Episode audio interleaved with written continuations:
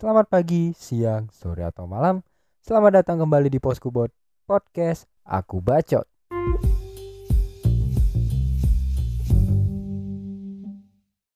Alright sobat Poskubot, selamat datang kembali di Poskubot dan ya kali ini uh, mungkin ada sedikit perbedaan ya karena gue record di tempat baru. Ya gue lagi dalam tanda kutip fungsi lah ya dari kosan gue karena ternyata cukup lumayan berisik dan ya demi menghadirkan kualitas konten terbaik buat kalian. dan ya gue hari ini atau di episode kali ini lagi pengen ngebahas soal fenomena sosial lagi yang cukup jadi bahan perbincangan uh, ternyata di tahun ini atau di bulan ini terdapat sebuah kasus di mana event motor trail di Rancau Pas itu bikin Taman Edelweiss Rawa rusak. Ya, uh, sebenarnya awal denger ini gue kaget sih karena gue pikir ini adalah Edelweiss yang di gunung. Tapi ternyata ini adalah Edelweiss Rawa yang uh, ternyata cuma ada dua di dunia. Jadi cukup apa ya? Um, tumbuhan ini cukup langka lah ya let's say dan ini uh, akhirnya rusak karena dilewatin oleh motor trail dan ini sempat jadi perbincangan rame banget sampai kita kita yang di komunitas pun apa ya sedikit hmm, diserbu warga lah ya bisa dibilang.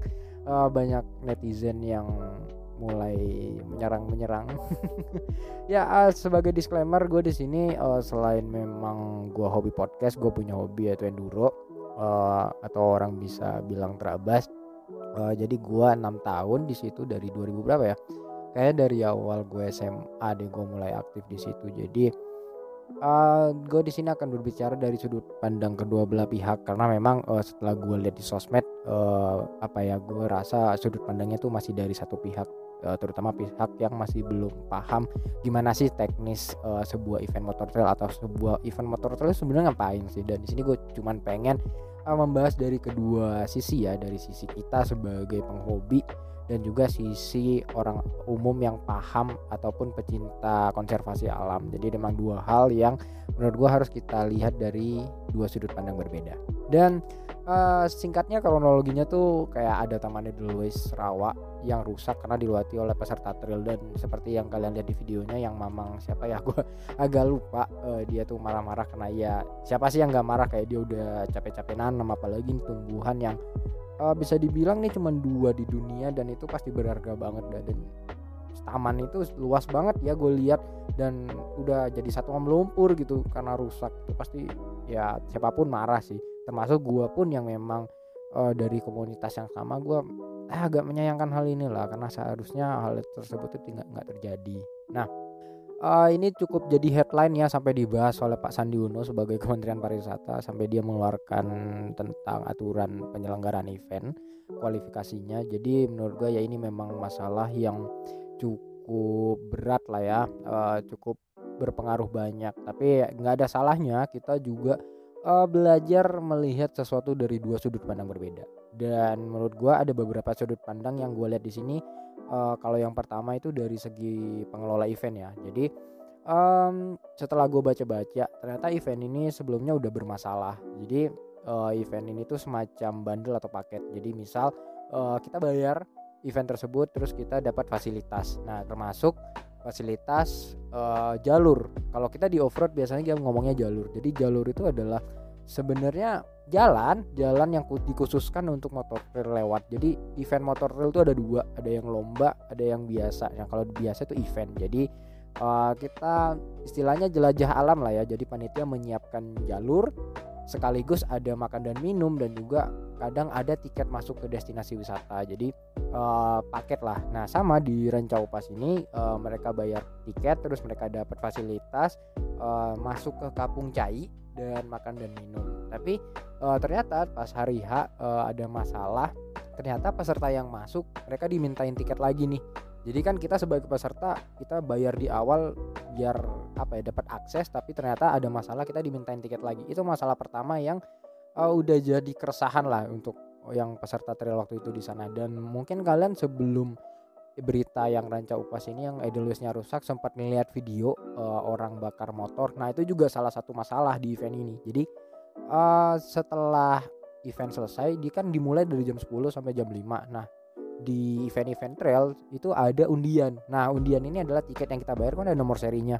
Nah nomor seri itu dipakai buat undiin hadiah. Nah ternyata di saat pengundian hadiah uh, hadiahnya nggak dibagiin. Jadi uh, peserta trail tuh marah lah di situ. Dan ini juga apa yang menurut gue perlu kita bahas karena uh, menurut gue sukses tidaknya event itu dipengaruhi oleh panitia itu sendiri. Jadi misalkan udah ada masalah di depan, dari ke belakangnya terjadi masalah yang lain itu akan sangat mungkin terjadi. Jadi yang pertama ini adalah uh, masalah yang terjadi gara-gara panitia yang menurut gue belum siap untuk mengadakan sebuah event terutama event trail.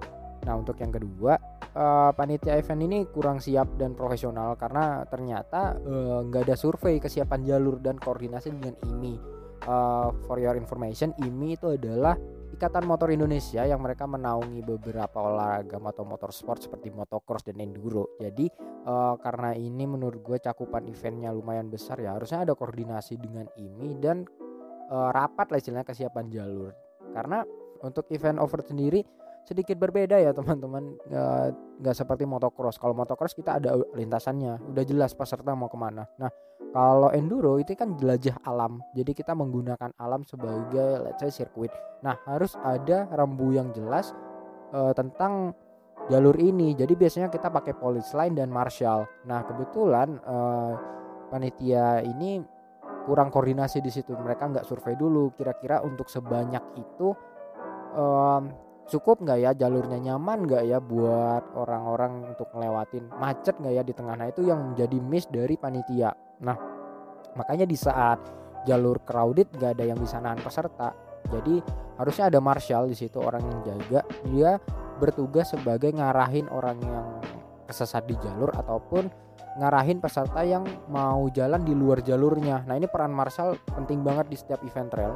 Jadi termasuk event-event yang di bawah ini yang nggak terlalu besar tapi jenisnya sama itu peran Marshall berguna banget. Karena uh, sepengalaman gue ya uh, peserta tuh ada dua. Ada yang emang ngeyel pengen jalur shortcut atau emang dia kesesat. Karena uh, masang rambu-rambu di alam yang luas banget itu susah banget. Itu nggak semudah kita bikin sirkuit atau cross gitu. Jadi uh, rambu-rambu itu harus jelas terus ada harus ada beberapa marshal yang jaga di beberapa poin kayak misal ada jalan bercabang harus ada orang yang jagain yang ngarahin ke mana nah kebetulan ternyata yang gue baca-baca di sini uh, panitia kurang siap dengan itu dan yang ketiga adalah ternyata jumlah peserta sangat membludak. Jadi awalnya event ini didesain atau direncanakan untuk 700 orang peserta. Tapi uh, kenyataannya yang terjadi adalah uh, sekitar 1.600 peserta yang hadir di event tersebut. Nah ini juga akan jadi masalah karena uh, menurut pengalaman gue kalau udah over capacity pasti akan terjadi kemacetan di tengah jalur. Nah ini yang menurut gue uh, berhubungan langsung dengan rusaknya si Taman Edelweiss. Jadi uh, misal kita bikin jalur nih teman-teman, uh, kita udah bikin jalur, udah ada polis lainnya, udah jelas jalurnya.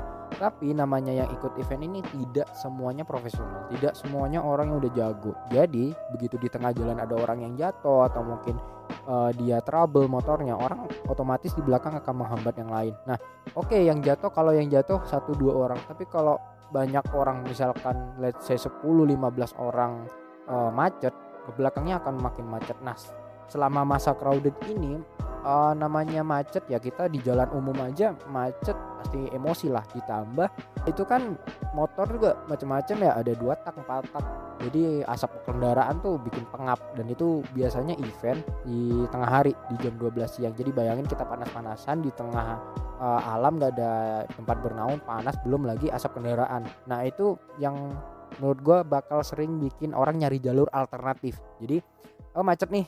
Orang akan berpikir oh ya udah gue cari jalur alternatif. Gimana caranya gue bisa lewat dari sini? Nah di situlah missnya menurut gue uh, dan ini dimulai dari pertama satu orang keluar jalur. Satu orang dikit pun dua orang. Kemudian ya seluruh rombongan ikut jalur. Nah ini ini adalah peran marshal yang paling penting menurut gue jadi misalkan mereka memang uh, panitia mengadakan event sesuai dengan carrying capacity uh, jumlah yang udah distandarkan atau mereka buat di awal uh, kejadian seperti ini nggak akan terjadi.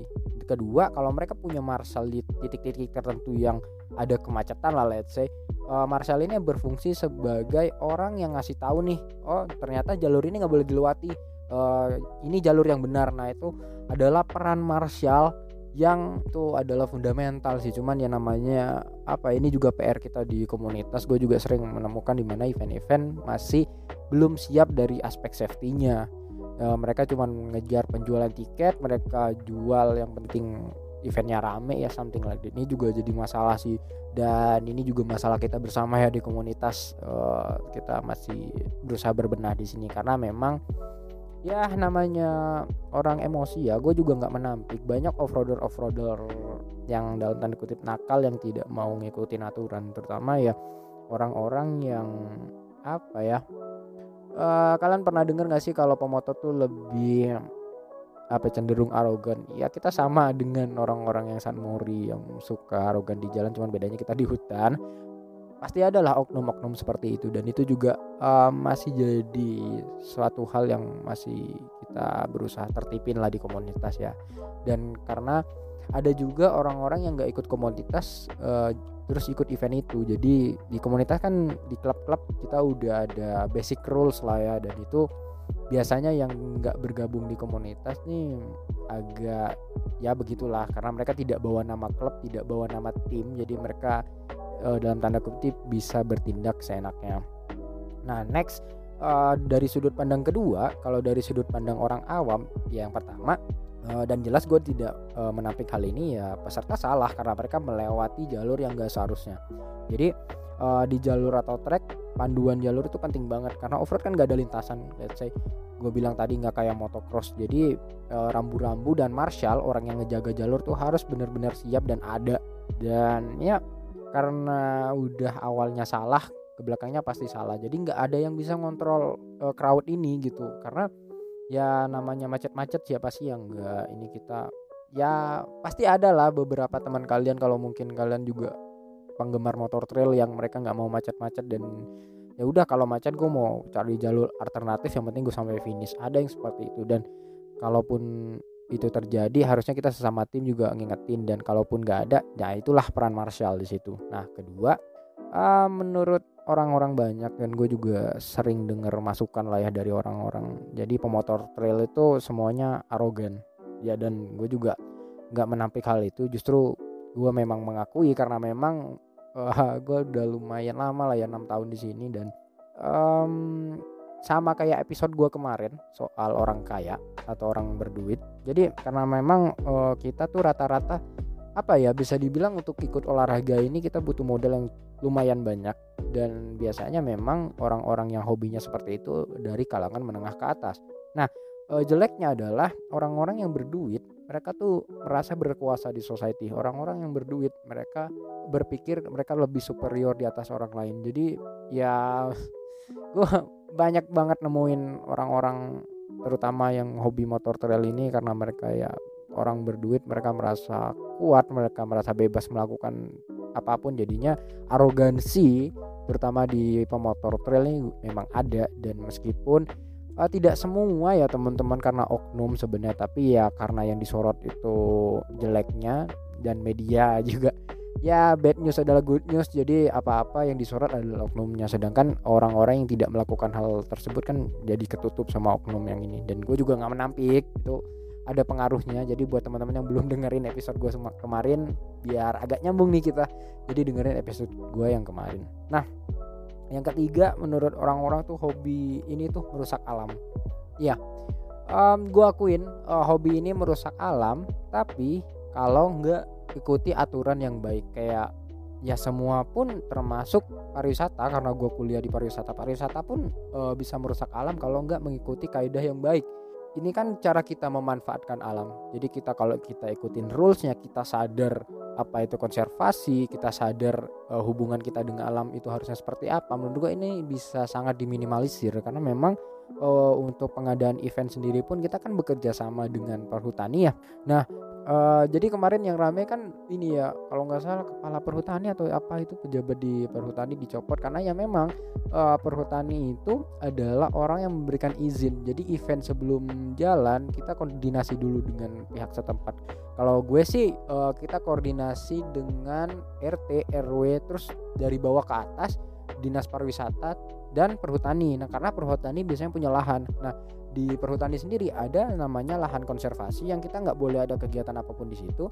Ada lahan yang bisa digunakan. Nah biasanya eh, yang bisa digunakan itu adalah lahan yang memang udah diukur nih. Kalau ada kegiatan di sini kira-kira berdampaknya yang nggak akan parah ke alam. Nah itu yang maksud gua mengikuti aturan yang ada. Karena biasanya event-event kayak gini tiap tahun ada ya. Jadi jalurnya itu itu aja. Jadi memang misal kita izin ke perhutani biasanya jalur buat motor trail ini udah ada teman-teman. Jadi event-event seperti ini tuh ada tiap tahun dengan jalur yang sama. Nah jadi uh, kita nggak ujuk-ujuk kita tentuin kita mau let's say di Ranca Upas kita langsung lewat aja. Enggak semuanya tuh ada rencana. Jadi uh, kita koordinasi langsung dengan perhutani oh kira-kira jalur mana nih yang bisa dilewati? Nah jalur ini akan jadi jalur tahunan. Jadi setiap tahun akan ada event di situ dan jalurnya itu aja gitu nggak yang merembet ke mana-mana. Mungkin kalau emang mau merubah jalur kita masih menggunakan lahan atau jalur yang masih aman jika ada aktivitas di situ. Nah ini mungkin yang uh, masyarakat umum belum tahu. Tapi memang uh, namanya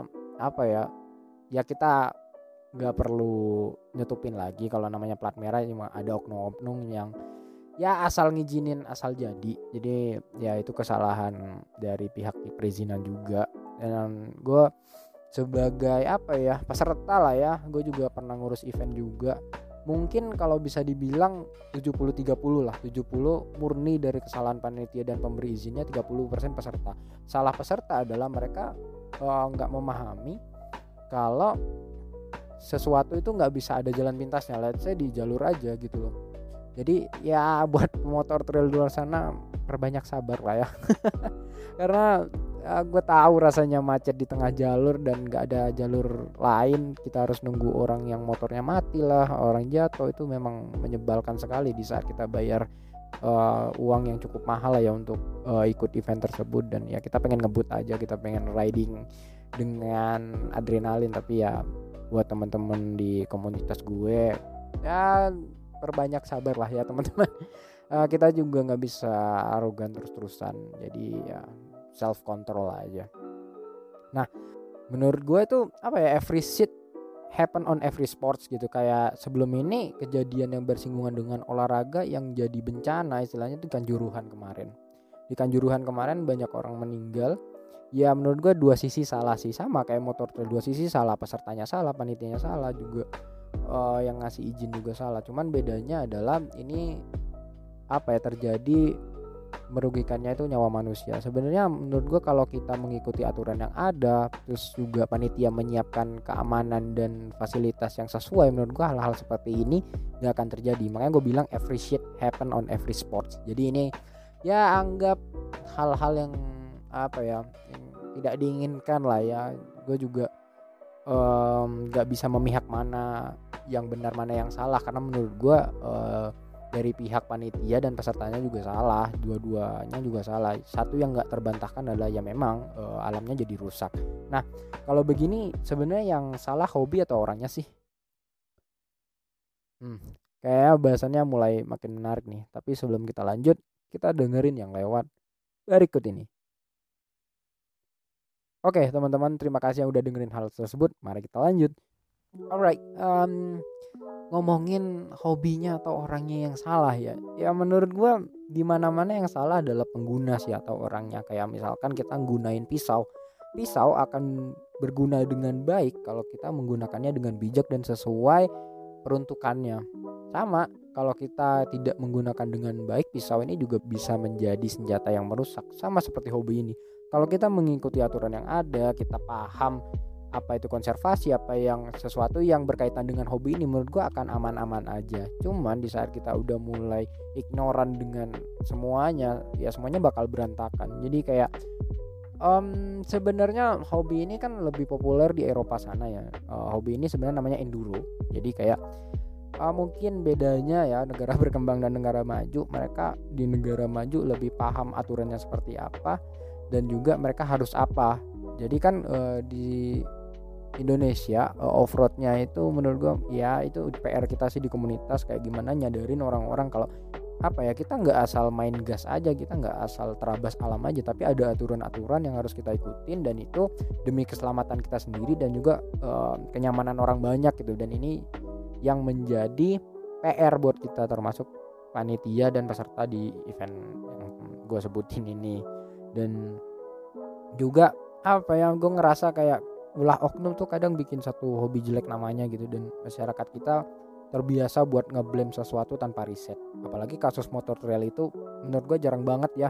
Dan sekalinya ada kasus itu gede banget. Kayak kemarin uh, kita tahu yang nenek yang lahan jagungnya dilewatin ya buat orang-orang yang belum tahu uh, akhirnya berdamai uh, pihak penyelenggara dan pihak neneknya dan kita mengganti secara materi.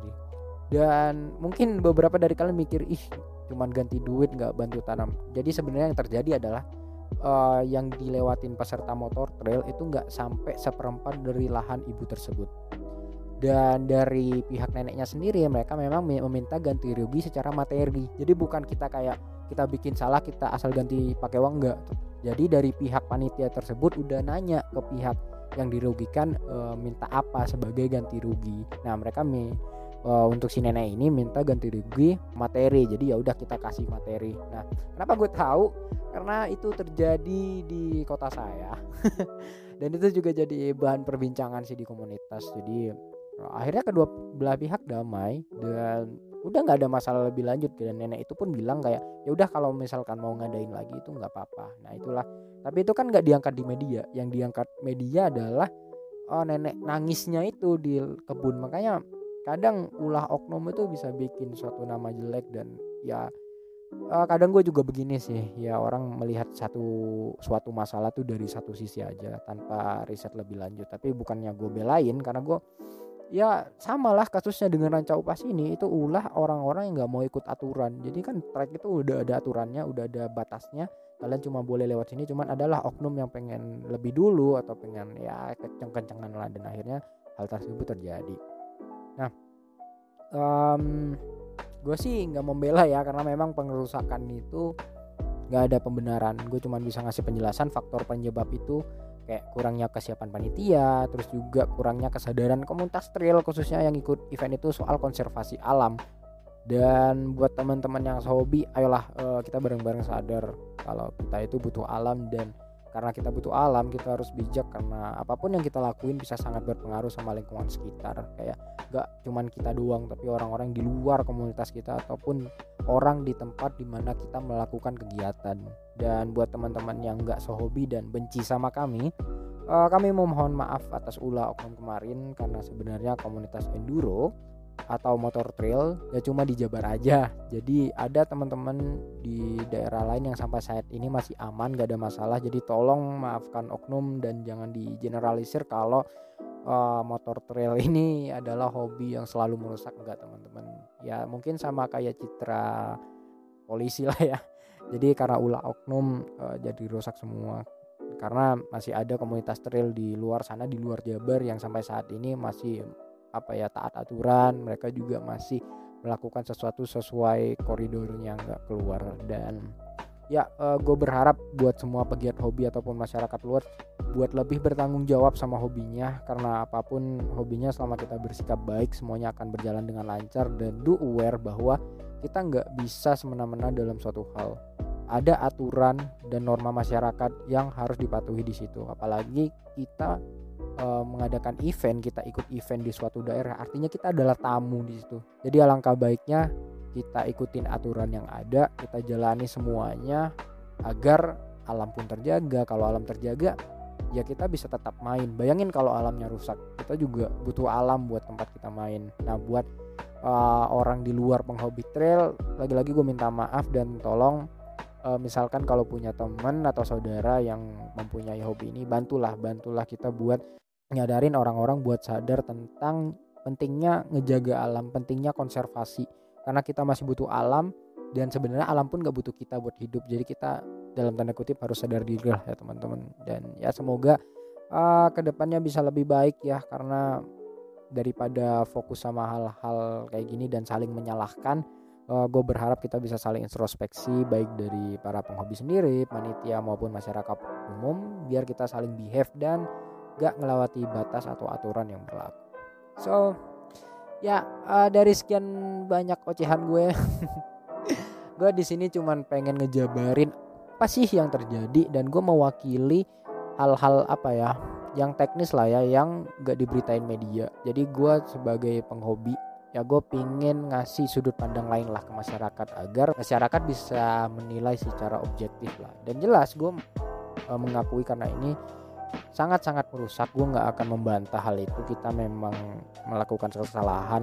Gue juga kasihan ngelihat bapaknya udah nanam capek-capek akhirnya di ini. Cuman ya ada faktor-faktor lah penyebabnya itu. Enggak semuanya terjadi serta merta. Jadi gue pengen ngasih insight lah buat kalian biar tahu uh, suatu hal dari kedua sisi. Karena gue pun sekarang udah lama nggak main ya jadi um, mungkin kalau gue masih aktif main ya ada lah rasa-rasa pengen ngebelain hobi. Cuman karena ya gue udah grow up gue ngerasa kayak gak selamanya gue akan main di situ. Ya dua tahun atau setahunan inilah gue udah mulai off dulu buat sementara. Jadi gue masih harus mengejar hal-hal yang lebih penting. Jadi kayak akhirnya gue bisa berpikir lebih wise lah. Mungkin ya ya uh, mungkin juga episode ini akan sampai di sini aja. Kalau ada kata-kata yang salah ataupun yang nggak berkenan di hati kalian gue minta maaf. Uh, semoga ini juga bisa jadi ajang introspeksi ya baik penghobi panitia masyarakat ataupun segala hal yang berkaitan dengan hal tersebut. Jadi ya kita saling support saling mengingatkan dan juga jangan lupa buat tetap berbuat baik kepada semua orang dan berusaha menyikapi segala hal dengan seobjektif mungkin. So menurut gue episode ini cukup sampai di sini. Jangan ke mana-mana karena ke depannya akan banyak bahasan-bahasan yang lebih menarik. So tetap stay tune di podcast ini. Peace out.